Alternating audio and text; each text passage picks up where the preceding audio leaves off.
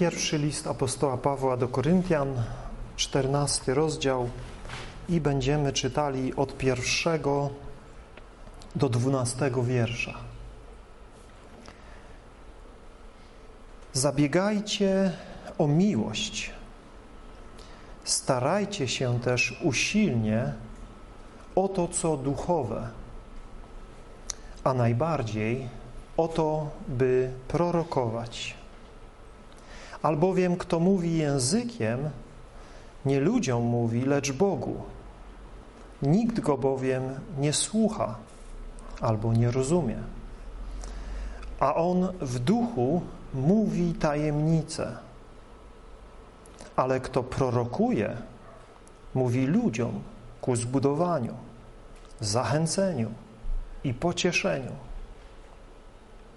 Kto mówi językiem, buduje samego siebie. A kto prorokuje, buduje zbór.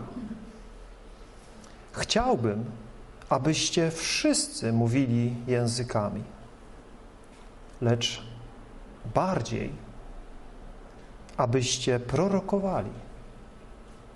Większy bowiem jest ten, który prorokuje, niż ten, który mówi językami chyba żeby tłumaczył, by zbór otrzymał zbudowanie. A teraz, bracia, jeśli przyszedłbym do was, mówiąc językami, na co bym się wam przydał? Jeśli nie mówiłbym do was, czy to objawienia, czy poznania, czy prorokowania, czy nauki. Przecież i rzeczy martwe, które wydają dźwięki, jak flet albo cytra, gdyby nie wydawały różnych dźwięków, nie dałoby się rozpoznać, co gra się na flecie, a co na cytrze. Jeśli trąba wydaje niewyraźny dźwięk, kto będzie się gotować do wojny? Tak i wy. Jeśli w języku nie wydacie słowa zrozumiałego, to jak rozpoznać, co zostało powiedziane? Mówić będziecie do powietrza. Jest tak wiele przykładów dźwięków na świecie i nic nie jest bez dźwięku. Jeśli bym nie znał znaczenia słów, będę dla tego, do którego mówię, cudzoziemcem, a ten, który mówi do mnie, będzie dla mnie cudzoziemcem. Tak i wy. Skoro jesteście gorliwi w duchowych kwestiach, szukajcie albo starajcie się abyście obfitowali ku zbudowaniu zboru. Przechodzimy do kolejnej trudnej części tego pierwszego listu do Koryntian. To nie pierwsza trudna część, już mamy kilka za sobą i czeka nas tutaj kolejna. Ja Was nie poproszę, żebyście od razu ze mną dyskutowali, raczej poproszę Was, żebyście posłuchali, a później, żebyśmy podyskutowali. W tej kolejności. Ponieważ jest to temat, który budzi wiele kontrowersji, temat, y, który dzisiaj w Kościele ma różne oblicza. Ten fragment, cały ten rozdział y, spotyka się z różnymi interpretacjami, z różnym praktycznym zastosowaniem w, życia, w życiu Kościoła. I nam tutaj też zależy, żeby to, o czym tutaj czytamy, miało miejsce pośród nas w tych ramach, jaki, jakie ten fragment rysuje.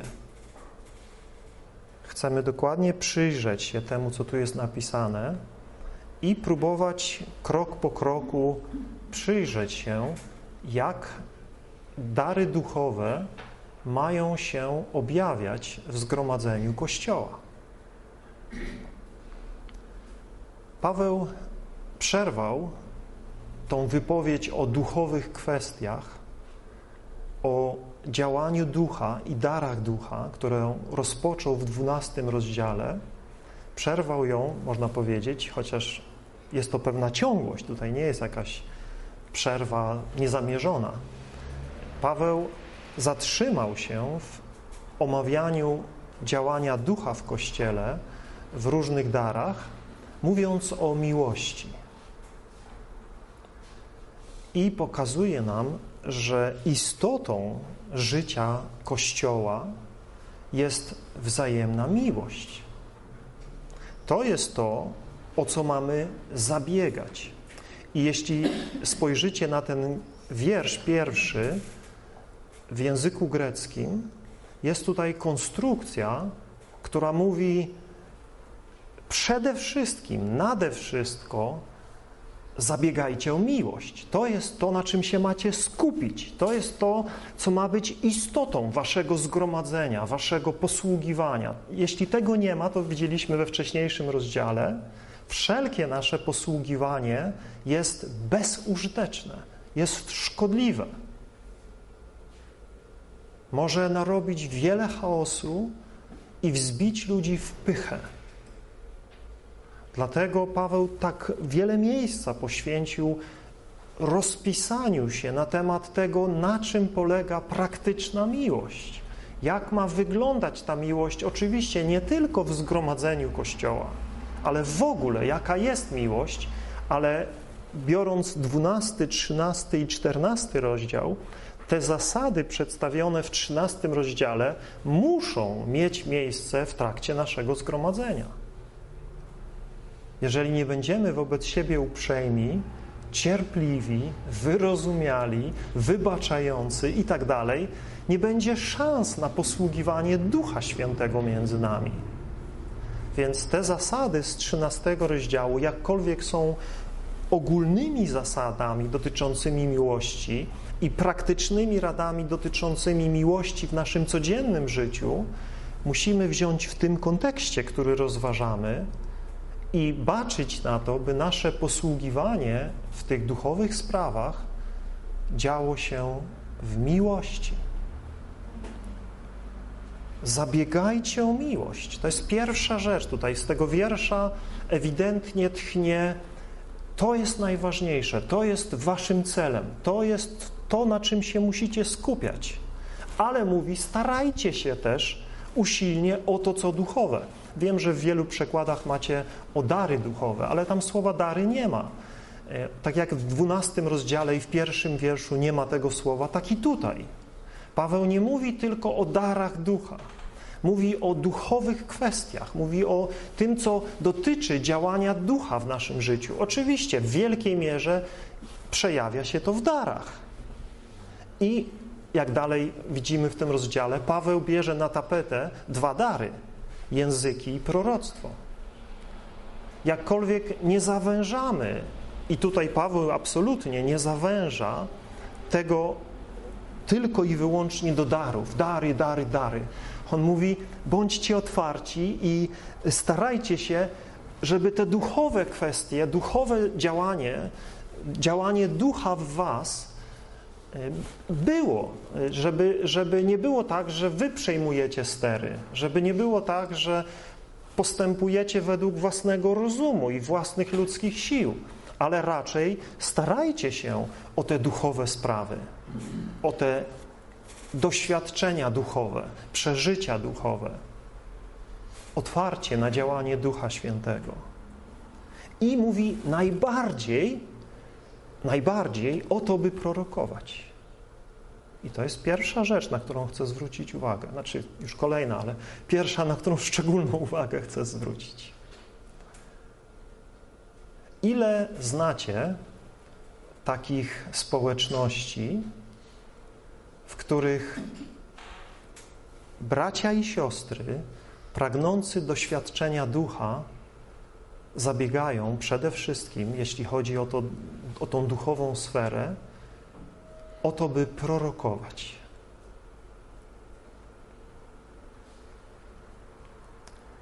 Obawiam się, że dzisiaj w wielu tak zwanych charyzmatycznych i zielonoświątkowych społecznościach czyli tych, które wierzą, że te rzeczy, o których tutaj Paweł mówi, są na dzisiaj dla Kościoła, skupienie jest na mówieniu językami.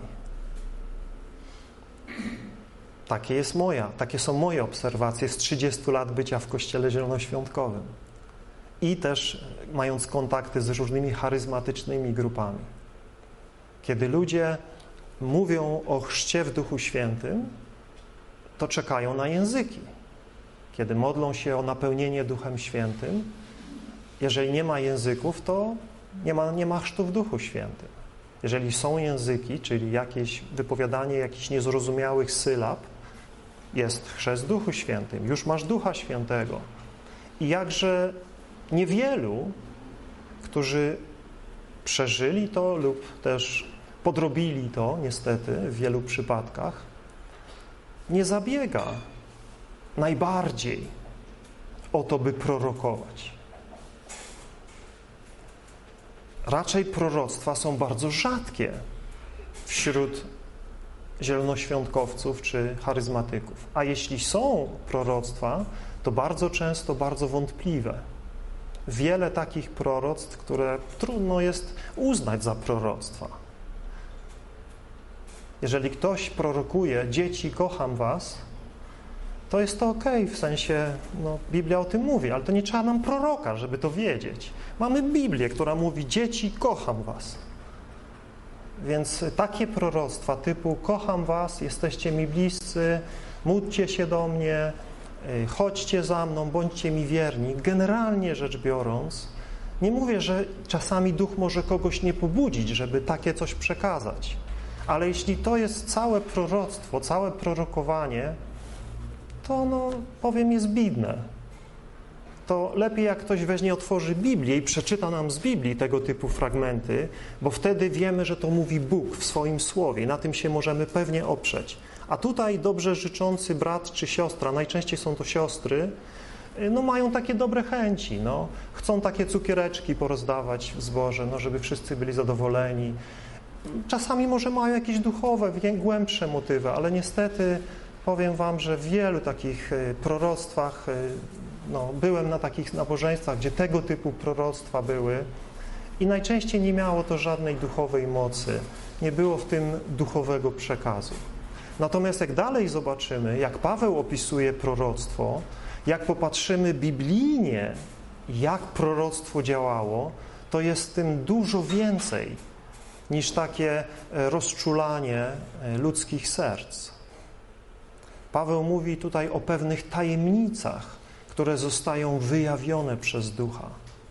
Mówi o działaniu Ducha, które buduje, zachęca, pociesza. A więc nie zrozumcie mnie źle, nie chcę powiedzieć, że każde proroctwo, w którym jest wyrażenie kocham was moje dzieci jest błędne, czy jest, nie jest prawdziwe. Nie to chcę powiedzieć. Chcę powiedzieć tylko to, że Czasami do tego się to ogranicza, do tego się to sprowadza. Jakby w kółko te proroctwa takie tak właśnie brzmią. Więc wtedy moim zdaniem jest to tylko ludzkie pragnienie. Najczęściej. Mogę się mylić. Mówię to z mojej perspektywy obserwacji i jakiegoś takiego ogólnego doświadczenia w tej materii. apostoł Paweł mówi o naszym dążeniu do duchowych spraw. A więc winniśmy dążyć, bracia i siostry, do tego wszystkiego, co możemy tutaj doświadczyć w duchu. Winniśmy zabiegać o to, żeby każdy z nas, jak też i nasza społeczność, jak i Kościół, doświadczał pełni Ducha Świętego. Nie zatrzymywać się na jakimś jednym doświadczeniu, że zacząłeś mówić językami i mówisz językami, to jest wszystko, co masz. I już niczego nie pragniesz, o nic więcej się nie modlisz, zadowalasz się tym, że masz Ducha Świętego, bo zacząłeś mówić językami. Nie. Widzimy, że tutaj jest wezwanie do szukania pełni ducha, doświadczenia wszystkiego, co jest możliwe dla nas przez obecność Ducha Świętego. A to jest dużo, dużo, dużo szersze i głębsze i potężniejsze niż mówienie językami. Nie jakoby mówienie językami było czymś nieznaczącym. Nie jakoby mówienie językami było czymś najbardziej pośrednim, chociaż niektórzy tak to uważają. Na końcu listy kładą te języki i mówią, a te języki to już taki tam najmniejszy dar. I ja bym się nie ważył czegoś takiego powiedzieć. W kontekście osobistej modlitwy jest to jeden z największych darów. Natomiast w kontekście Kościoła jest to dar, który musi mieć swoje miejsce, aby nie wprowadzał zamętu, harmidru, hałasu, błazeństwa czy zgorszenia. Więc o tym Paweł tutaj szczegółowo mówi, najwyraźniej w odniesieniu do tego, co działo się w Koryncie i jak oni podchodzili do tego daru. O co chodzi z tym proroctwem? Dlaczego Paweł tutaj wzywając nas, zachęcając nas do dążenia do tych duchowych kwestii mówi najbardziej, aby prorokować? O dziwo, ci wszyscy, którzy mówią, że dary ducha przeminęły wraz z apostołami, o dziwo ci wszyscy, którzy twierdzą, że dzisiaj już nikt nie otrzymuje darów ducha, nadal wierzą w proroctwo. Tyle, że je przedefiniowali. Mówią, że prorokować to znaczy głosić kazania. A więc y, odrzucają działanie ducha w darach w, w obecnym kościele, twierdzą, że dary ducha przeminęły wraz z apostołami, a jednak, kiedy czytają ten fragment, skupiają się na tym darze prorokowania, jakoby on dalej funkcjonował.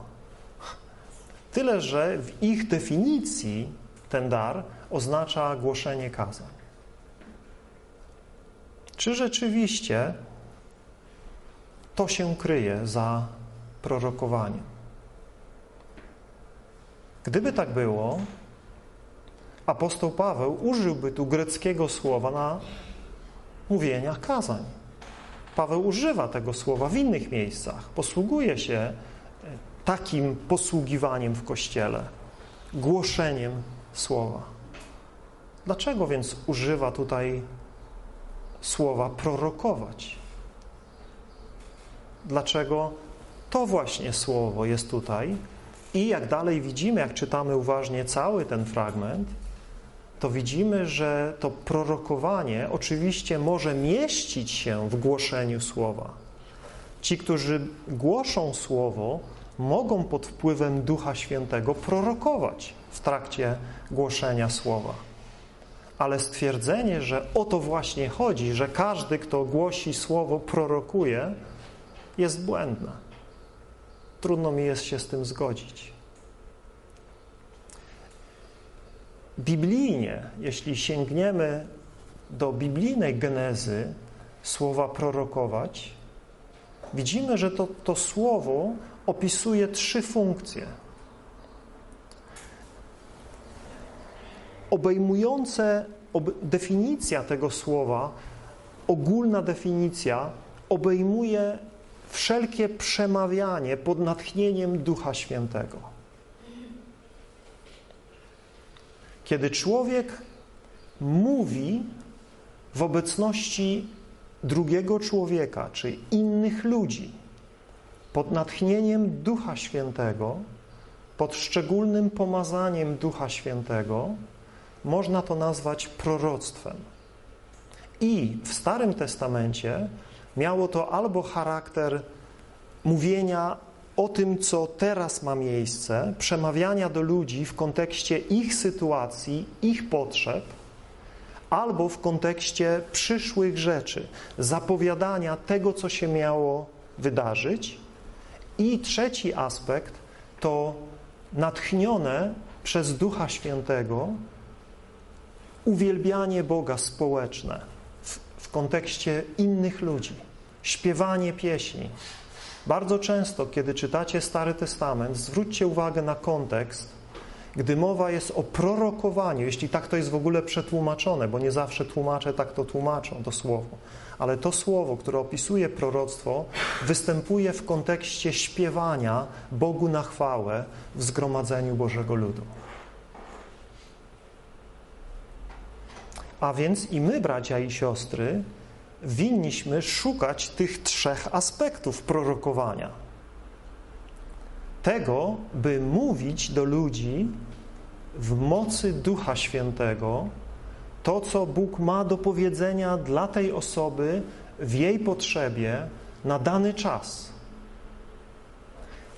Czasami Bóg odkrywa tajemne rzeczy, ukryte rzeczy dotyczące albo jego obecnej sytuacji, czy jej obecnej sytuacji, czy ich sytuacji, lub też rzeczy przyszłych, że trzeba zrobić to, a nie robić tego.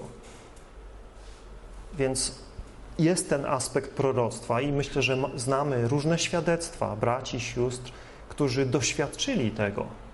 Czasami jako zbory, czasami jako jednostki, kiedy Bóg wyraźnie powiedział, co trzeba zrobić. I ten trzeci aspekt wielbienia Boga w społeczności, śpiewania Mu na chwałę nie tylko z naszego ludzkiego wnętrza, nie tylko z naszych ludzkich y, pragnień i sympatii do pieśni, ale pod natchnieniem ducha. Wywyższanie Boga i chwalenie Boga i ogłaszanie Jego wspaniałości pod natchnieniem ducha. I to, jeśli to ma miejsce, jeśli którykolwiek z tych trzech aspektów prorokowania ma prawdziwie miejsce, możemy doświadczać zbudowania, zachęcenia i pociechy. Nie wiem, ile, jak, jak to jest w Waszym doświadczeniu, ale ja wielokrotnie tego właśnie doświadczyłem w trakcie zgromadzenia. Czasami w pieśniach. Tutaj stoję i łzy mi się leją, bo Bóg mówi do mego serca, kiedy Go wielbimy, kiedy Go wywyższamy. Słucham Słowa Bożego i Bóg pracuje w moim sercu i odkrywa mi pewne rzeczy w moim życiu. Rozmawiam z bratem, siostrą i ich słowa przeszywają mnie na wylot. I Bóg coś do mnie mówi. I Bóg mi coś objawia. I Bóg mnie do czegoś napomina, zachęca, pociesza. O to winniśmy wszyscy zabiegać, bracia, siostry. Jeśli zależy nam na działaniu Ducha Świętego w naszym życiu, o to winniśmy na pierwszym miejscu zabiegać. Nie znaczy, że o inne rzeczy nie. Paweł mówi przede wszystkim, żeby prorokować, co nie oznacza, że o inne już nie. Ale mówi przede wszystkim o to powinniśmy zabiegać. Żeby w naszym życiu było pełne ducha uwielbienie Boga. My możemy tutaj mówić, bracia, siostry, zaśpiewajmy tak rzeźko, zaśpiewajmy tak z, nie pod nosem, ale tak głośno zaśpiewajmy. I czasami nam się wydaje, że jak głośno zaśpiewamy i z werwą, no to duch działał. Może tak, może nie. To nie jest kwestia y, naszego wyprodukowania proroctwa przez nasze dobre chęci. Jeśli jesteśmy ludzi, ludźmi, którzy zabiegają o te duchowe sprawy, jeśli jesteśmy ludźmi modlitwy, jeśli jesteśmy ludźmi trwającymi w Słowie Bożym, jeśli jesteśmy ludźmi szukającymi Królestwa Bożego, Bożej chwały, miłujemy braci i siostry, z którymi się zgromadzamy, wtedy możemy tego doświadczyć. gdy śpiewamy pieśni. Możemy doświadczyć mocy proroctwa pośród nas w uwielbianiu Boga. Możemy też tego doświadczyć w czasie usługi tutaj braci. Możemy tego doświadczyć, gdy rozmawiamy ze sobą. Dlatego bardzo mocno to podkreślamy i dlatego bardzo mocno powtarzamy to i prosimy Was, bracia, siostry, nie uważajcie, że po wieczerzy i ostatniej modlitwie starszych nabożeństwo jest zakończone. Ja czasami tak mówię, że y, nasze nabożeństwo jest zakończone i teraz przechodzimy do drugiej części, ale tak naprawdę coraz częściej się pilnuję, żeby tego już nie mówić. Tylko y, zachęcam, by nasze nabożeństwo trwało, nasza społeczność by trwała, byśmy nadal sobie usługiwali. Żebyśmy nie kończyli tym, co się dzieje tutaj w tej, nazwijmy to, oficjalnej części, w tej uporządkowanej części, w tej zaplanowanej części, ale żebyśmy byli ze sobą i wzajemnie sobie posługiwali dalej.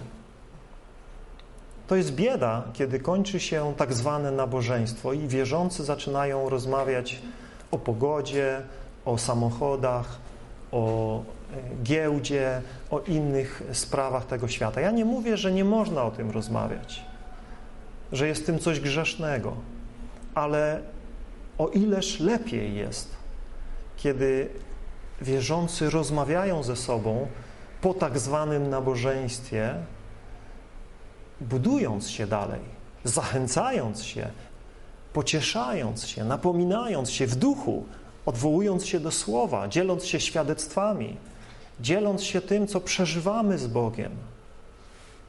O ileż to jest lepsze, o ileż to jest cenniejsze, o ileż więcej zbudowania i zachęty z tego płynie. I tutaj, bracie, siostro, nie musisz stawać za kazalnicą, żeby to zrobić.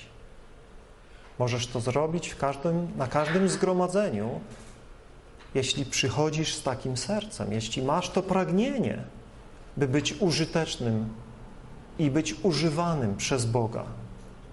I wierzę do tego. Apostoł Paweł tutaj nas, Koryntian wtedy i nas również zachęca.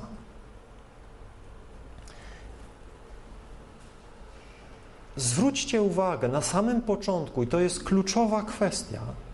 Jeśli tego nie zrozumiemy, ten, ten cały rozdział nam się pokiełbasi, tak jak pokiełbasił się wielu. Jeśli nie zrozumiemy tej fundamentalnej kwestii, która jest przedstawiona w drugim i trzecim wierszu, e, zabrniemy w różnego rodzaju błędy związane z działaniem ducha w zgromadzeniu szczególnie jeśli chodzi o prorokowanie i mówienie językami. Zwróćcie uwagę, do kogo są skierowane słowa prorocze i do kogo są skierowane słowa w, obcych czy w nieznanych językach. To jest kluczowa kwestia. Jeśli mówię, tego nie złapiemy, tego nie zrozumiemy, to polegniemy, jak wielu poległo. Apostoł Paweł na samym początku, przechodząc do tego tematu, pokazuje nam odmienność tych darów, gdyż każdy z nich jest skierowany do kogo innego. Drugi wiersz. Kto mówi, innym językiem, albo kto mówi językiem, bo tutaj to słowo inny, obcy, jeśli je macie, jest dodane, jego nie ma tam w żadnym z tych wierszy. Ale dla wyjaśnienia czy dla podkreślenia y, tłumacze dodają to, co też czasami prowadzi do błędów w interpretacji. Tutaj Paweł mówi o darze języków. Używa wyjątkowego słowa glossa, które jest greckim słowem na opisanie naszego organu mówienia, naszego języka i jest słowem, które opisuje ten właśnie dar, szczególny dar Ducha Świętego. W innych miejscach apostoł Paweł posługuje się słowem dialekt, kiedy mówi o językach mówionych przez ludzi. To nie znaczy, że słowo glossa zawsze odnosi się do daru ducha. Czasami jest używane w kontekście dialektów, ale kiedy Paweł mówi o darze Ducha Świętego, czy w dziejach apostolskich czytamy o manifestacji tego daru, zawsze pojawia się słowo glossa. Nigdy słowo tłumaczone jako dialekt. Więc to jest ważna różnica, żebyśmy ją mieli na uwadze. Dlatego, że niektórzy twierdzą, że to mówienie językiem czy językami jest po prostu ziemskim dialektem, że jest to zawsze przemawianie w jakimś innym ziemskim, zwykłym języku, które inni, którzy znają ten język, mogą przetłumaczyć. Natomiast absolutnie nie ma na to żadnego poparcia ani w dziejach apostolskich, ani w tym fragmencie, wręcz przeciwnie. Kiedy widzimy dzieje apostolskie, widzimy, że gdy Duch Święty zstępuje, oni mówią glossa językami, ale ludzie to rozumieją i najczęściej konkluzja jest taka, jak widzieliśmy, że to znaczy, że oni mówili tymi dialektami, dlatego ludzie rozumieli. Ja mam z tym problem. I, I, tłumaczyłem i nie będę powtarzał tego. Dlaczego? Poświęciłem temu sporo czasu. Jestem przekonany, że tam jest coś wyjątkowego, że w tym jednym dniu, wyjątkowym dniu wylania ducha na Kościół, Bóg dał tym ludziom z różnych plemion, różnych języków, różnych narodów zrozumienie tego, co było mówione. Kiedy tych 120 mówiło, tym właśnie otrzymało ten dar mówienia językami. Ale to się nigdzie nie powtarza. Nie widzimy czegoś takiego później. Z wyjątkiem być może domu Korneliusza, gdzie poganie zaczynają mówić językami i wydaje się, że Piotr i ci, którzy z nim byli, rozumieli to, co było mówione. Gdyż mówią, oni przeżyli dokładnie to samo, co my na początku. Ale tam nie ma pewności, czy oni to rozumieli, czy nie. W innym miejscu jeszcze czytamy, że gdy duch na nich stąpił, zaczęli mówić językami i wielbić Boga. Pytanie, czy modlili się językami i osobno wielbili Boga w tym swoim języku, czy gdy modlili się językami, po prostu wielbili Boga, tak jak apostołowie w Dniu Pięćdziesiątnicy. Wielu ludzi mówi, że oni w Dzień Pięćdziesiątnicy głosili Ewangelię. Rzeczywiście? Tam czytamy, że ogłaszali wielkie dzieła Boże raczej wielbili Boga, nie głosili Ewangelię. Oni nie przemawiali do ludzi, oni przemawiali do Boga, oni wielbili Boga, ogłaszali wielkie dzieła Boże, tak jak psalmiści w psalmach ogłaszają wielkie dzieła Boże. To jest forma uwielbienia Boga, kiedy mówimy o tym, jaki Bóg jest, co Bóg czyni. I ci ludzie to słyszeli i o dziwo rozumieli. Więc to jest wyjątkowe wydarzenie. Natomiast zwróćcie uwagę tutaj, apostoł Paweł mówi nam, że kto mówi językiem, nie ludziom mówi, ale komu? Bogu. A więc to jest fundamentalna zasada tego daru. Dar języków nie jest skierowany do mówienia do ludzi.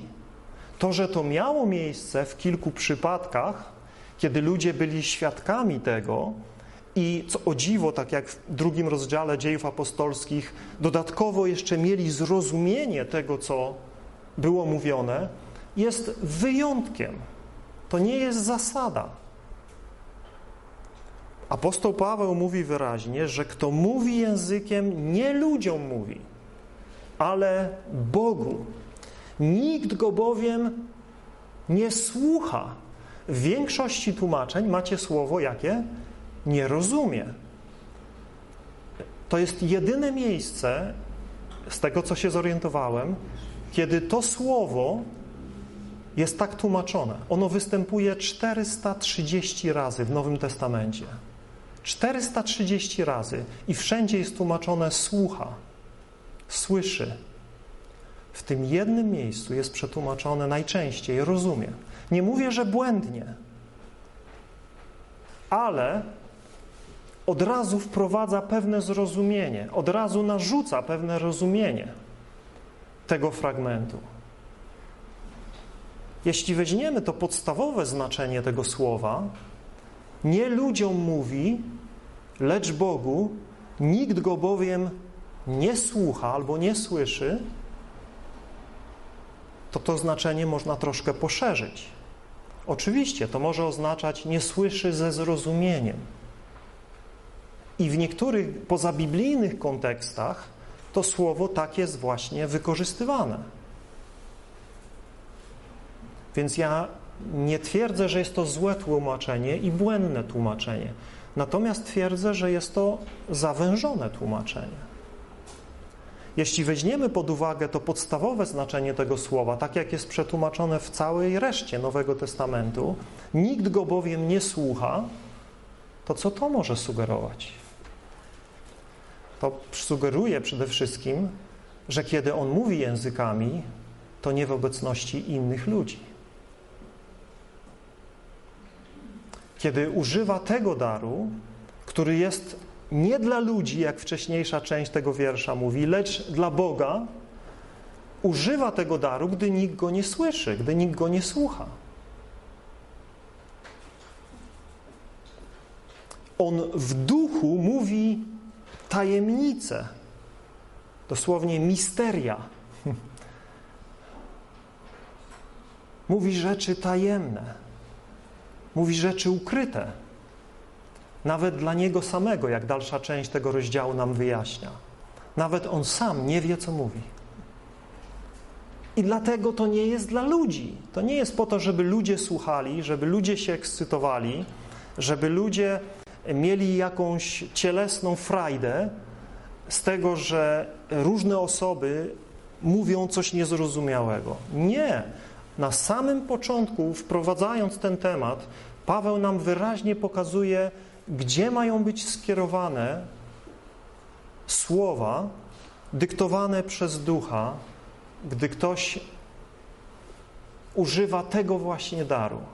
Nie dla ludzi, nie do ludzi, ale te słowa są skierowane do Boga. Jeśli to zrozumiemy i w tym kontekście będziemy rozważać dalszą część tego fragmentu, wiele rzeczy się wyjaśni. Jeśli zaś zignorujemy to, jeśli to zlekceważymy i późniejsze fragmenty będziemy naciągać do praktyki, jaka jest obecna w wielu kościołach, no to wtedy ten fragment nie ma dla nas prawdziwego przesłania. W iluż to brałem udział w rozmowach, dyskusjach z naszymi kochanymi braćmi z HWZ-u czy z Kościoła Zielonoświątkowego, którzy upierają się przy tym, żeby na nabożeństwach ludzie głośno mówili językami. Dlatego, że to jest takie duchowe, że wtedy następuje takie zbudowanie. I ja wierzę, że następuje zbudowanie tych, którzy mówią, bo ten dar rzeczywiście buduje tych, którzy mówią. Natomiast z pewnością nie, nie, nie buduje to tych, którzy nie mówią, i z pewnością nie jest to Bożym zamiarem, żeby coś takiego miało miejsce. I ten rozdział jest temu poświęcony, i ten rozdział wyraźnie to mówi. Naprawdę trzeba się gimnastykować, żeby chybić tego zrozumienia. Naprawdę trzeba postawić tradycję swojej denominacji, swojego kościoła, swoich proroków, swoich braci starszych, świadectwa i inne rzeczy, bo tak się dzisiaj dzieje. Ludzie narzucają te różne rzeczy. Ja ci opowiem świadectwo takie, siakie, nieważne co jest napisane, ale to, to nie jest takie ważne, bo zobacz, ten brat mówił takie świadectwo, ta siostra takie świadectwo, ten prorok miał takie, takie zwiastowanie. I to staje się nadrzędnym, no to się staje prawdą nadrzędną. Czyli w czym w tym momencie różnimy się od rzymskich katolików, którzy tradycję Czyli to, co ich papieże powiedzieli, to, co ich święci powiedzieli, to, co ich synody powiedziały, stawiają na równi ze Słowem Bożym i mówią, to jest tak samo objawienie jak to. I wiecie, że w praktyce to ta tradycja przeważa nad prawdą Słowa. I dokładnie to samo ma miejsce w wielu charyzmatycznych kościołach. Własne prywatne objawienie, własne doświadczenie, własne przeżycia spychają naukę Słowa Bożego na drugi plan. Pamiętam rozmowę z jednym naprawdę kochanym bratem. Dotyczyła innego tematu, ale równie kontrowersyjnego nauczania kobiet. I on mówi do mnie, bracie, ja wiem, ja wiem, mówi, czy Paweł mówi do mnie, bo się dobrze znaliśmy. Mówi, ja wiem, że Słowo Boże tak naucza, ale jakbyś posłuchał tej siostry, z jakim namaszczeniem ona przemawia. Jak ona zaczęła mówić, to mówi prosto w serce.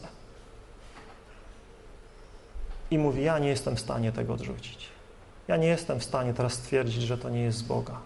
Tylko dlatego, że jest napisane. Czyli jego osobiste doświadczenie, jego osobiste przeżycie, jego osobiste przekonanie w tym momencie uzna, uznaje, że to, co jest napisane, on wie, on wie.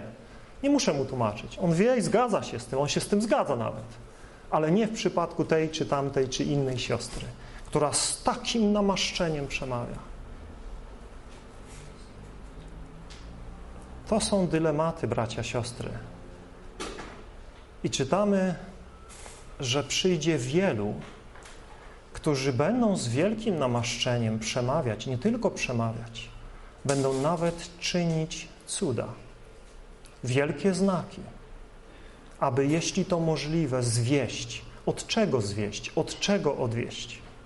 Od tego, co zostało nam raz na zawsze przekazane. Od wiary, która jest oparta na świadectwie Bożych proroków i apostołów. I albo jesteśmy ludźmi tego słowa, którzy drżą na to słowo i nie ważą się nic dodać, ani nic ująć, albo jesteśmy ludźmi, którzy płyną na swoim doświadczeniu, na swoich przeżyciach, na swoich wizjach. Apostoł Paweł mówi, choćby nawet anioł z nieba wam się objawił i głosił wam inną Ewangelię od tej, którą myśmy wam głosili, niech będzie przeklęty. Wyobrażasz sobie, miałeś kiedyś spotkanie z aniołem? Wyobrażasz sobie taką świetlistą postać, pełną chwały, blasku, mocy, miłości. Wielu okultystów mówi o spotkaniach z tymi różnymi duchami w kontekście wielkiej miłości, wielkiego pokoju, wielkiego szczęścia. Nie opisują tego, że to był horror, że to był straszny potwór z wielkimi rogami, pazurami i długim ogonem. Nie. Te duchy zwodnicze, gdy przychodzą do człowieka, prezentują się jako aniołowie światłości. Przemawiają delikatnym głosem. Zachęcają do miłości. Do czasu, kiedy się im nie poddasz. Wtedy zaczynają wyciągać swoje pazury i rwać Twoje życie na strzępy. Ale na początku nigdy. Na początku zawsze się przedstawiają jako aniołowie światłości, prawdy, miłości, poznania Boga, doświadczenia wszystkiego, czego pragniesz, za czym tęsknisz, czego ci brak. Składają słodkie obietnice. I tak samo fałszywi nauczyciele czytamy dokładnie taką samą politykę stosują.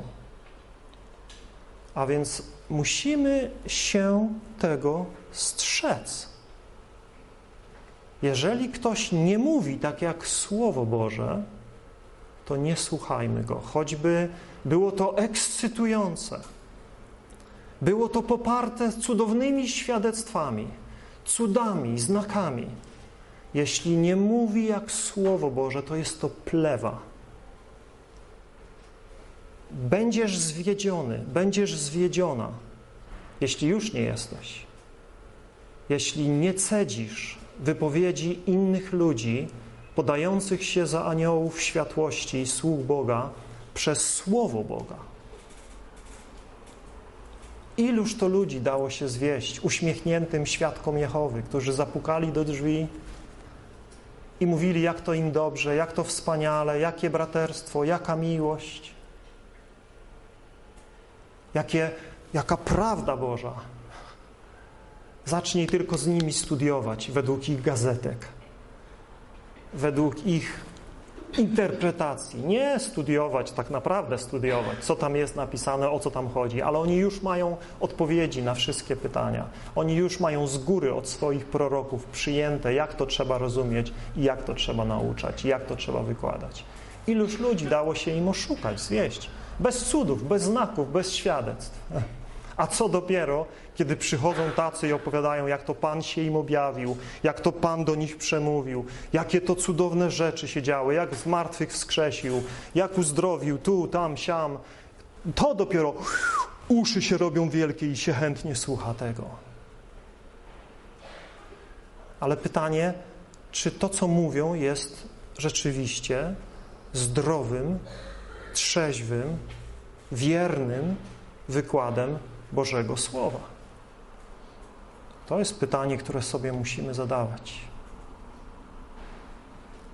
Czy jest to zgodne z tym, co mówi Bóg? Bóg nawet do swojego ludu mówi w Starym Testamencie, że to On może ich wystawić na próbę, posyłając im takich cudotwórców, proroków, którzy będą coś mówili i to się stanie. Bo jak się coś nie stanie, to wiadomo, że fałszywy prorok. Ale Bóg mówi, przyjdą tacy, którzy coś zapowiedzą, jakiś znak czy cud i to się stanie. Ale co? Mówi, będą was chcieli odwieść od waszego Boga. Będą was chcieli odwieść od waszego Boga. I wtedy mówi, nie będziesz się takiego bał nie będziesz takiego słuchał. I tutaj musimy o tym pamiętać, bracia, siostry. W Nowym Testamencie mamy tak wiele przestróg, tak wiele wezwań do nas, żeby wszystko, co słyszymy, badać, sprawdzać, upewniać się, że tak jest. W świetle czego? Jaki jest nasz punkt odniesienia? W świetle tego, jak my się czujemy? Czy mamy pokój, czy nie mamy pokoju? Czy mamy gorąco w brzuchu, czy nie mamy gorąca w brzuchu? Na tej podstawie Mormoni tak sprawdzają. Jak mają gorąco w brzuchu, to Bóg mówi. Jak nie mają gorąco w brzuchu, to nie. Czy chcemy iść tym torem? Czy może chcemy iść tym torem właśnie jak inni poszli, jak biskup z większą czapką, no to pewnie ten ma największą rację. Im większa czapka, tym większy autorytet. Czy chcemy iść tym torem? Że siedzi na wyższym stołku? Że, się, że ma większą y, audiencję? To chyba nie jest dobre słowo. Audytorium? Dziękuję. Że, że więcej ludzi go słucha? Że więcej ludzi do jego kościoła należy? To wtedy on musi mieć rację? To Mahometa powinniśmy słuchać, bo tam się najwięcej obecnie zapisuje. To chyba on jest najbardziej duchowy i i to rzeczywiście On przyszedł z tym objawieniem prawdziwym Boga. Jaką logiką się kierujemy? Czym się kierujemy? Do czego się odnosimy? Apostoł Paweł mówi, że kto mówi innym językiem, nie ludziom mówi. I to weźmy sobie to do serca i trzymajmy się tego i w tym świetle rozważajmy dalsze słowa. Nie ludziom, lecz Bogu. Nikt go bowiem nie słucha. To nie jest dla, do słuchania dla ludzi. Ale On w duchu, przez ducha, w, w tym duchowym doświadczeniu mówi tajemne rzeczy, zakryte rzeczy, niezrozumiałe rzeczy. Dlatego to nie jest do ludzi. Bóg to rozumie. Bóg dokładnie wie, jaki jest zamysł ducha, który działa w człowieku, który prawdziwie jest napełniony duchem i mówi językami. Bóg to dokładnie rozumie i wie o co chodzi. Ale nikt inny tego nie rozumie. Natomiast kto prorokuje, mówi komu? Bogu? Nie. Jak jesteś sam na sam z Bogiem, to nie masz co mu prorokować. mówi ludziom. A więc proroctwo jest skierowane do ludzi, nie do Boga, a języki są skierowane do Boga, nie do ludzi. To jest fundamentalna zasada, od której Paweł zaczyna. I kiedy ktoś prorokuje, mówi do ludzi ku ich zbudowaniu, ku ich zachęcie, i pocieszeniu.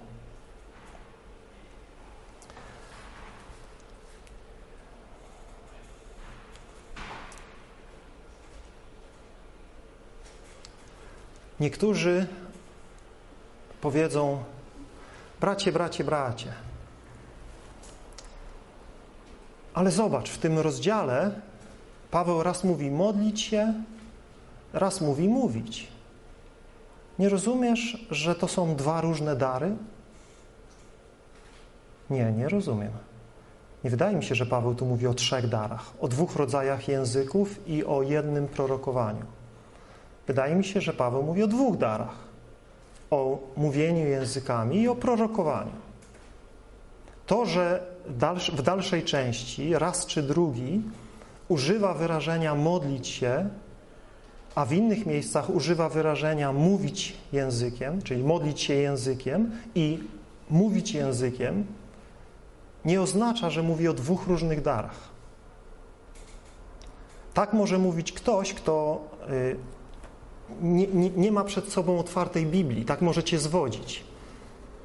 Może ci powiedzieć tak ktoś, kto rozmawiasz sobie z nim o tych rzeczach i on ci powie, słuchaj, ale tam jest mowa o dwóch różnych darach. Tam jest mowa o przemawianiu do ludzi w językach i wtedy Paweł mówi, mówi do ludzi, a w innych miejscach mówi, modli się językami, wtedy oczywiście do Boga. A więc tu są dwa różne dary. Rzeczywiście? A co w tym wierszu jest napisane? Że kto się modli do Boga, czy kto mówi do Boga?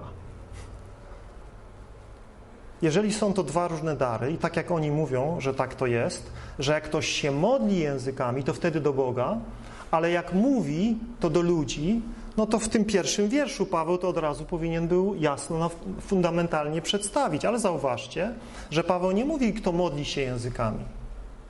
Tutaj jest bardzo dobrze przetłumaczone. Kto mówi językami, mówi nie do ludzi, ale Bogu. I cały czas Paweł tego jednego, tego samego greckiego słowa używa, cały czas w tym wierszu. A kto prorokuje, mówi nie do Boga, ale do ludzi. Więc twierdzenie, że tutaj jest mowa o dwóch różnych działaniach tego daru, jest zwiedzeniem.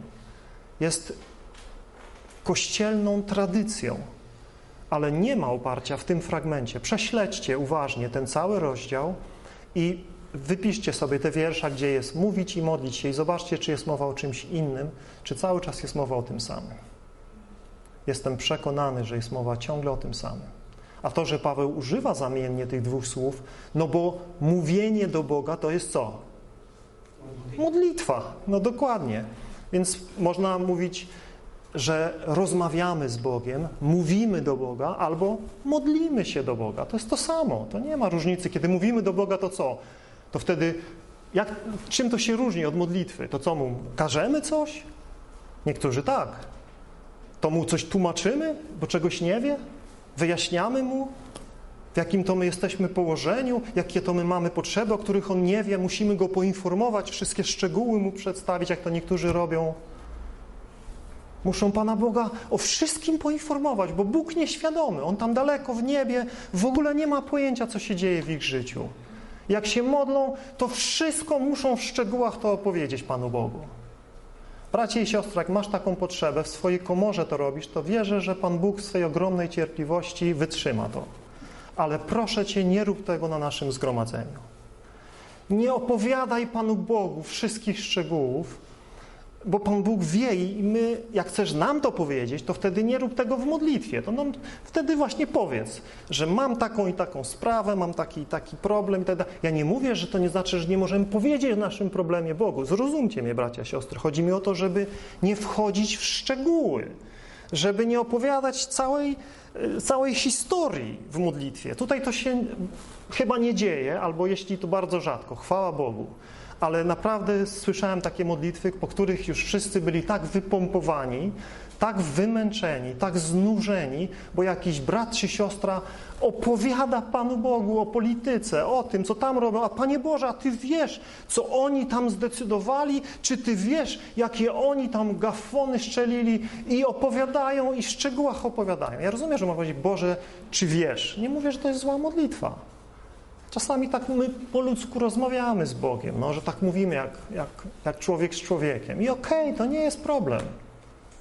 Problem jest wtedy, kiedy nam się coś przestawia i zapominamy, że mamy do czynienia z wszechwiedzącym Bogiem. Że mamy do czynienia z tym, który daleko lepiej wie o tym, co dzieje się w naszym życiu, czy w polityce, czy w gospodarce, czy na świecie. I On nie potrzebuje, żebyśmy Go informowali o czymkolwiek, ale żebyśmy przyszli do Niego z uwielbieniem, z dziękczynieniem i złożyli nasze prośby i potrzeby przed Nim i nie, nie, nie robili jakiegoś religijnego cyrku, w którym musimy, myślimy, że jak wiele słów wypowiemy, jak opiszemy to wszystko w wielkich szczegółach, no to wtedy Pan Bóg zadziała. A jak powiemy jedno proste zdanie, e, to co to za modlitwa? To nie ma mocy to w ogóle nie działa. Rzeczywiście? Do tego Pan Jezus nas zachęca? Mówi, bądźcie wielomówni, jak się modlicie. Ile tylko dacie rady, mówcie przez godzinę, dwie, trzy, opowiadajcie, opisujcie szczegóły. Tak Pan Jezus nas nauczał? Czy mówi, nie bądźcie wielomówni, jak poganie, którzy myślą, że z powodu swego wielomóstwa będą wysłuchani. Nie, módlcie się prosto. I tam mamy ciach, ciach, ciach, ciach. Taka krótka modlitwa, a ile treści, ile bogactwa. I tak się uczmy modlić, tak się módlmy. Ale w ogóle odszedłem od tematu. Wiem. Ale to, do czego wracam, to to, że modlić się i mówić do Boga to to samo. O to mi chodziło, tak? A to wszystko takie były na marginesie. Dodatki.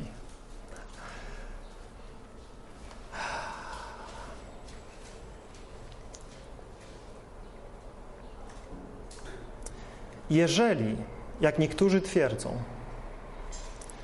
jeżeli, jak niektórzy twierdzą, języki mają swoją rolę w zborze, w publicznym zgromadzeniu i potrzeba jest tłumacza do przetłumaczenia tych języków, to to się totalnie kłóci z tym stwierdzeniem Pawła, że języki są skierowane do Boga. Bo Bóg nie potrzebuje tłumacza. Tłumacza potrzebujemy my, jeśli czegoś nie rozumiemy. Więc jeżeli Paweł mówi, że języki są skierowane ku Bogu, że kto mówi językami, mówi do Boga, to nie potrzeba tłumacza. Nie potrzeba się modlić o dar tłumaczenia, bo jeżeli to jest do Boga skierowane, to Bóg to rozumie. Natomiast jeżeli Paweł mówi o tłumaczeniu, to mówi o tym, że my możemy być zbudowani tym, gdy słyszymy, jak ktoś w językach uwielbia Boga, modli się do Boga. Więc o tym będziemy później mówili więcej, że jest możliwe, że dar języków będzie miał miejsce w zgromadzeniu, ale tylko i wtedy i wyłącznie, gdy będzie to tłumaczone. I to tłumaczenie nie będzie zawierało, moje dzieci kochane, chciałem wam przypomnieć, że macie się modlić. Jeżeli jest takie tłumaczenie języków, to obawiam się, że tłumacz totalnie nie zna języka. Bo jeśli to będzie tłumaczenie, to będzie skierowane do Boga, nie do ludzi. Do ludzi będzie skierowane proroctwo. Nie trzeba języków, żeby do ludzi przemówić. Proroctwo jest do ludzi.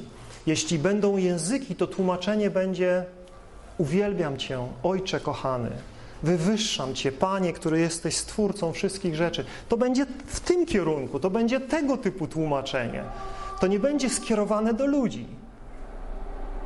A iluż to przykładów możemy nazbierać w różnych kościołach, które rzekomo mają języki i tłumaczenia, gdzie języki są wypowiadane głośno, publicznie i tłumaczenie jest skierowane do ludzi.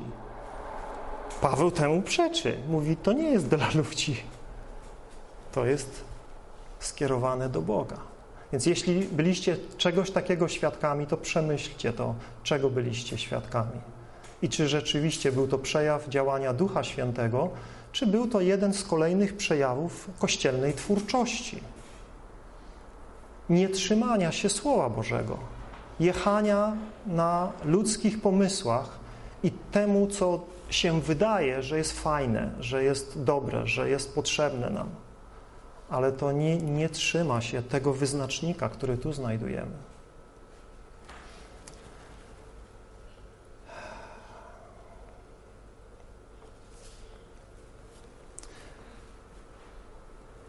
To stwierdzenie, że kto mówi językami, mówi do Boga, jest totalnym odparciem zarzutów tych wszystkich cesacjonistów, którzy mówią, że języki były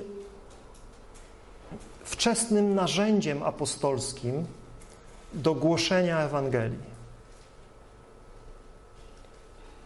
Pamiętacie, mówiliśmy o tym. Niektórzy twierdzą, że apostołowie otrzymali ten dar i gdziekolwiek nie poszli, to nie musieli się uczyć tych języków, tylko, znaczy tych języków, tych ludzi, do których poszli, tylko mieli ten dar i po prostu mówili językami głosili tamtym ludziom Ewangelię. Ale pokażcie mi chociaż jeden przykład czegoś takiego y, w dziejach apostolskich. Raczej widzimy, że gdy apostoł Paweł trafił do y, Likaonii, to oni tam nie rozumieli ich języka i nie komunikowali się z nimi w obcym języku. Nigdzie nie znajdziecie takiego przykładu. Ale cesacjoniści, którzy nie wierzą w dary ducha i chcą powiedzieć, że to, co dzisiaj się dzieje, że ludzie mówią w niezrozumiałych językach, że to jest jakaś bablanina i że to jest y, jakieś bezsensowne y, gadanie, mówią, że te języki to właśnie miały taki charakter, że oni po prostu mówili jakimkolwiek językiem, jakiegokolwiek narodu. Ponoć na początku, kiedy na Azusa Street wybuchło to przebudzenie zielonoświątkowe, oni też tak to rozumieli. Myśleli teraz, że pojadą i pojechali niektórzy nawet do Chin, myśląc, że teraz pojadą, tam będą mówić tymi językami, Chińczycy będą ich rozumieć, oni będą im Ewangelię głosić. No i pojechali i mówili, Chińczycy ich nic nie rozumieli. Nie wiem, jak oni kiwali głowami, czy tak, czy tak, bo to po chińsku to jest trochę inaczej, pismo idzie z góry na dół, więc nie wiem, jakie tam gesty mają, ale nie rozumieli. I wrócili zawstydzeni i zdziwieni, czemu to nie działa. Pomyśleli, że tak to działa. Ale mieli dobre chęci, więc ich nie krytykuję, tylko podaję ich przykład, tak? Czasami mamy dobre chęci, robimy różne babole i Pan Bóg nas przez to uczy, więc nie ma co tam tego wytykać i, i drwić z tego, ale trzeba wyciągnąć z tego lekcję, tak? Trzeba wrócić do słowa i się zastanowić, czy o tym tu jest mowa. Co gorsza, niektórzy cesacjoniści, czyli cesacjoniści, pamiętacie, to ci, którzy mówią, że dary ducha odeszły z apostołami, tak? Ci, którzy mówią, że dzisiaj Duch Święty już nie działa w taki sposób cudowny jak wtedy. Dzisiaj mamy tylko Biblię i dzisiaj mamy takie powszechne działanie Boga, ale już nie w konkretnych cudownych darach. Inni mówią, że apostoł Paweł tutaj posługuje się sarkazmem. A więc twierdzą, że w tym fragmencie apostoł Paweł sarkastycznie mówi do Koryntian, żeby y, zabiegali o dary ducha. Że tak naprawdę nie chce, żeby zabiegali o dary ducha, tak naprawdę on wyśmiewa ich, że zabiegają o dary ducha, czy o te duchowe sprawy, powinni tylko skupić się na miłości. I to jest sarkazm, oni twierdzą.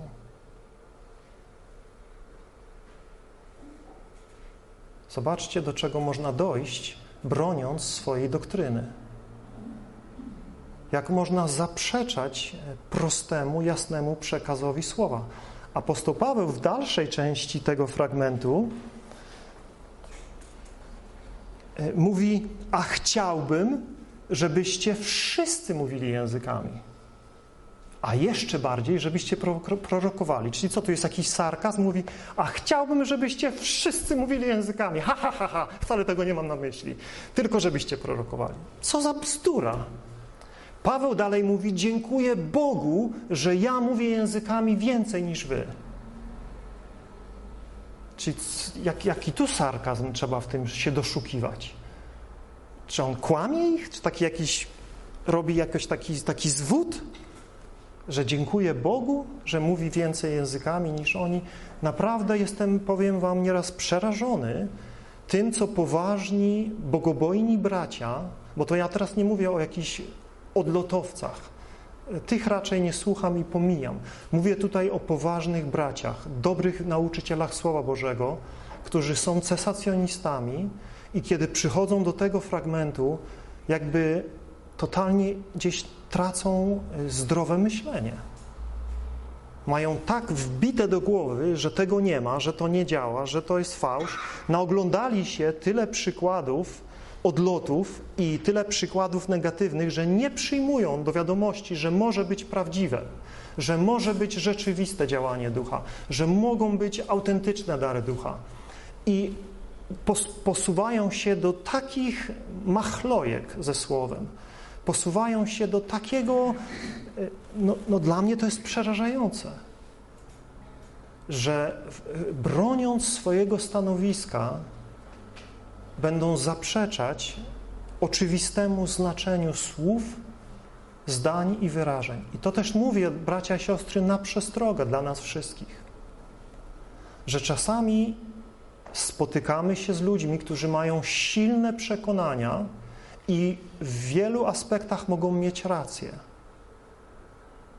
ale w jakimś aspekcie mogą się mylić. Ale przez to, że są tak dobrzy, w argumentacji w tych innych kwestiach, jesteśmy gotowi uwierzyć im, że dany fragment mówi coś przeciwnego niż on mówi. Iluż to ludzi, słyszałem jakieś kazanie, jakiś czas temu się pojawiło w internecie, zabraniam kobiecie nauczać. I kaznodzieja poświęcił 40 minut, żeby dowieść, że Paweł w tym fragmencie mówi, że kobieta może nauczać. A kazanie zatytułowane Zabraniam kobiecie nauczać. I elokwentny kaznodzieja, mądry człowiek poświęca całe kazanie, żeby dowieść, że tam nie chodzi o to, że nie może, tylko że o to, że może. Zaprzecza oczywistemu znaczeniu tego wiersza. I tego mamy dzisiaj pełno. Ludzi, którzy są tak przekonani o czymś, że wezmą takie oczywiste wiersze i powiedzą, że one znaczą coś przeciwnego niż one znaczą. To widzieliśmy w kontekście nakrywania głów przez siostry w, czasie nabożeństwa. Tutaj dopiero jest y, ogromne pole oszustwa i krętactwa i powoływania się na fałszywą historię i różne inne rzeczy, które ludzie zrobili w przekonaniu, że to pomoże Kościołowi, no, że trzeba jakoś teraz coś z tym zrobić, co już mamy, tak? że wszyscy to odrzucili, tego nie praktykują, więc trzeba teraz to wytłumaczyć. No i tłumaczą, zaprzeczając historii, zaprzeczając tekstowi i sięgając po argumenty, których w ogóle nie ma w tekście. Tego się strzeżmy, bracia i siostry. I jeśli mamy dalej rozmawiać o tych sprawach, o tych przejawach ducha i tych darach rozmawiajmy ściśle trzymając się Pisma. Tylko w takim kontekście jestem gotów rozmawiać. Jeżeli chcesz mi mówić o cudownych świadectwach i proroctwach, ja tym nie jestem zainteresowany. Jestem zainteresowany, co Słowo mówi w tym temacie. I jeśli Twoje świadectwa i proroctwa pokrywają się z tym, to wtedy jestem tym zainteresowany ale jeśli się z tym nie pokrywają, to mnie to nie obchodzi, mnie to nie rusza i dla mnie to nie jest żaden punkt odniesienia ani autorytet. Wręcz przeciwnie, uznaję to za zwodnicze działanie ducha. Nie Bożego ducha, ale innego ducha. Takie jest działanie diabelskie. On potrafi wziąć Słowo Boże, tak jak do Pana Jezusa przyszedł na pustyni i zacytować Słowo Boże w złym kontekście i przekręcać prawdę Bożą i zwodzić. Więc wiem, że dzisiaj zrobiłem taki mieszany wstęp do tematu. Może włożyłem kij w jakieś mrowisko, może Was troszeczkę gdzieś tam, y, mam nadzieję, zachęcam i pobudzam do uważnego czytania tego fragmentu, wielokrotnego i rozważania go, żebyśmy mogli wspólnie przyjrzeć się temu tematowi, bo nie chcemy, zabraniać mówić językami. Nie. Chcemy zachęcać do mówienia językami, ale w ramach, jakie Bóg wyznaczył dla tego daru. Chcemy zachęcać do prorokowania, ale żebyśmy właściwie rozumieli, na czym polega to proroctwo, a nie jakieś skliwe słowa wypowiadali, zaczynając tak mówi Pan. I to już po prostu nie ma dyskusji. Tak mówi Pan, więc musimy to przyjąć, tak? No nie. Jak zobaczymy, mamy wszystko badać, mamy wszystko sprawdzać i to, że ktoś się powołuje na natchnienie ducha, to, że ktoś mówi, tak mówi Pan, nie powinno nas przestraszyć do tego, żeby to rozważać i y, prześwietlić to przez to, co mówi Bóg już w swoim słowie. To y, tak mówi Pan. To jest dla nas pierwsze, tak mówi Pan, a tamte inne rzeczy muszą się z tym zgadzać, muszą się w tym mieścić, muszą się z tym pokrywać. Więc bracia i siostry, robię ten dzisiejszy, może troszeczkę chaotyczny wstęp, wybaczcie mi, ale jestem pełen myśli, pełen, y, sam jestem tutaj tym tematem podekscytowany. Szczególnie w świetle tego wszystkiego, co widzę, że dzieje się i co w uporze wielu robi, mimo że dostają sygnały, że to nie jest właściwy kierunek. Więc y, chciałbym tego uniknąć i chciałbym prosić Was, bracia i siostry, żebyście reagowali, mówili, co o tym myślicie, jak to widzicie i tak dalej, jak najbardziej, ale odnośmy się do Słowa. Budujmy to na Bożym Słowie. Powstańmy do modlitwy.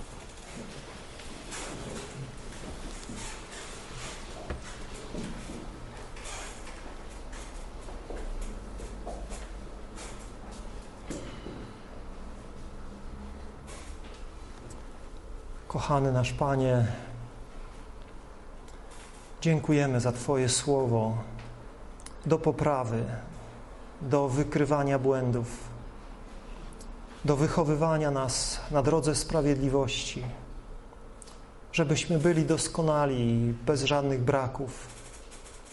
Dałeś nam wszystko, czego potrzebujemy, aby Ci służyć, aby Cię wielbić, aby w Twoim domu był porządek, nie chaos, nie bałagan, nie wolna Amerykanka, ale żeby Twój dom był domem pokoju, domem miłości, domem, z którego wychodzimy zbudowani, zachęceni, pocieszeni, napomnieni. I daj, Panie, byśmy wszyscy do tego przykładali rękę, żeby nikt z nas nie myślał, że jest tylko biernym słuchaczem, że jest niedzielnym chrześcijaninem, który przychodzi spełnić swój obowiązek, ale żebyśmy mieli serca, które chcą służyć. Obyśmy rozumieli, że to, po co się tu zgromadzamy, nie służy w pierwszej kolejności nam samym, ale ma służyć zbudowaniu całego zboru. Nasza postawa winna być postawą posługiwania braciom i siostrom. I tego nas ucz, Panie, do tego nas przysposabiaj i wybacz nam, kiedy skupiamy się na sobie, kiedy myślimy tylko o tym, czego ja potrzebuję i żeby tylko moje potrzeby były zaspokojone i żeby mi się podobało.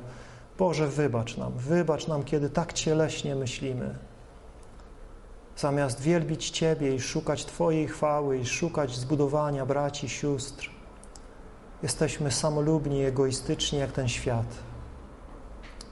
Panie, wybacz nam i zmieniaj nas.